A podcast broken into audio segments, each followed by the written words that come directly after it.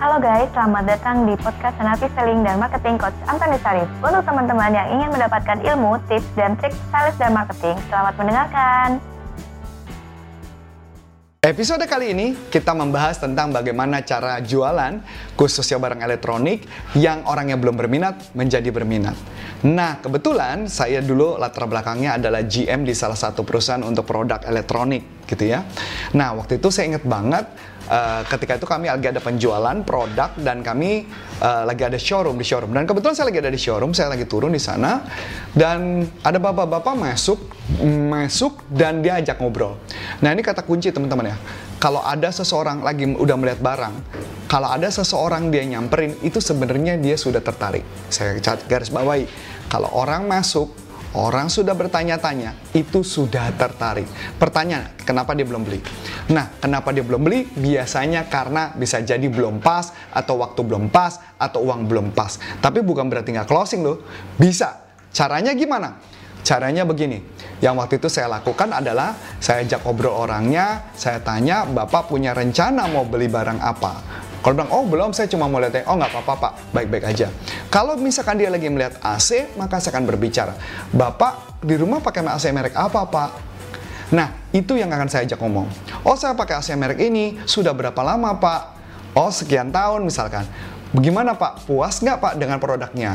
Nah, kalau seandainya dia nyatakan tidak puas, kelemahannya tersebut yang akan saya utilisasi dan saya akan gunakan untuk jualan barang saya. Kemudian saya tanya, Bapak ada rencana nggak nanti Bapak mungkin mau membuat apa? Ada kamar lagi atau apa ruangan yang Bapak membutuhkan AC?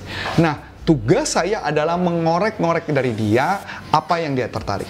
Waktu itu saya ingat banget dengan jelas ini yang saya lakukan ketika dia bilang, ya saya eh, saya kebetulan punya AC di rumah. AC di rumah saya itu adalah merek tertentu, merek A gitu anggaplah. Dan dia bilang dia suka karena apa? Nah, ketika dia suka, dia bilang karena suka karena apa? Ini yang saya lakukan. Ini saya melakukan dengan metode hipnosis ya. Jadi saya menyentuh bendanya, AC-nya di bawah saya. Saya bilang, oh, oh bapak tertarik AC itu karena hemat listrik pak saya sentuh tangan saya di tempat AC tersebut.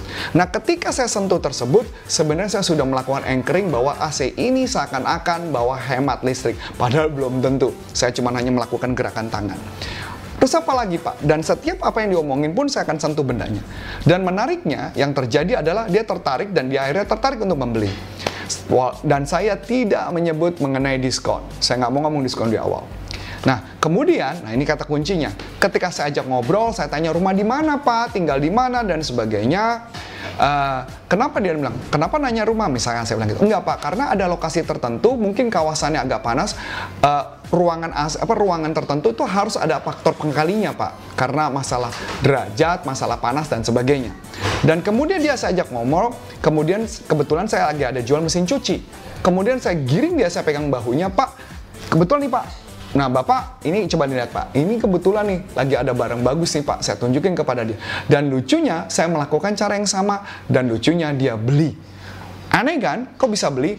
Ya karena saya cuma tujuannya menggiring dia. Kalau orang sudah, nah ini cara contoh hipnosis ya. Hipnosis itu ambil contoh begini, kalau ada orang di depan saya, kemudian orang itu saya suruh muter mundur ke belakang dan orang yang mundur, atau saya geser dia ke sebelah kanan, dia ngikutin geser ke belakang, kanan, atau apa pun sebaliknya, Artinya orangnya lebih gampang kita hipnosis. Artinya saya bisa giring dia dengan mudah. Jadi ketika saya bilang, Pak, yuk ikut saya Pak, sambil saya mengarahkan, kalau dia ngikutin saya, berarti orang itu sudah terjalin hubungan akrab, maka closingnya akan lebih mudah. So, balik lagi teman-teman, kalau Anda mau menggunakan cara yang tepat dan pas, maka hasilnya akan pas dan tepat. So, silakan dicoba praktekan dan lihat hasilnya. Lihat hasilnya dan tolong kalau hasilnya bagus, laporkan ya, kasih tahu di komen dengan saya. Oke, okay? so sukses buat Anda dan semoga tips dari saya sangat membantu Anda untuk menjadi jauh lebih baik. So saya Anton Desari mengucapkan terima kasih, sukses buat Anda dan salam performan. Bye bye. Nah, untuk teman-teman yang sudah menerangkan, terima kasih ya dan nantikan podcast selanjutnya.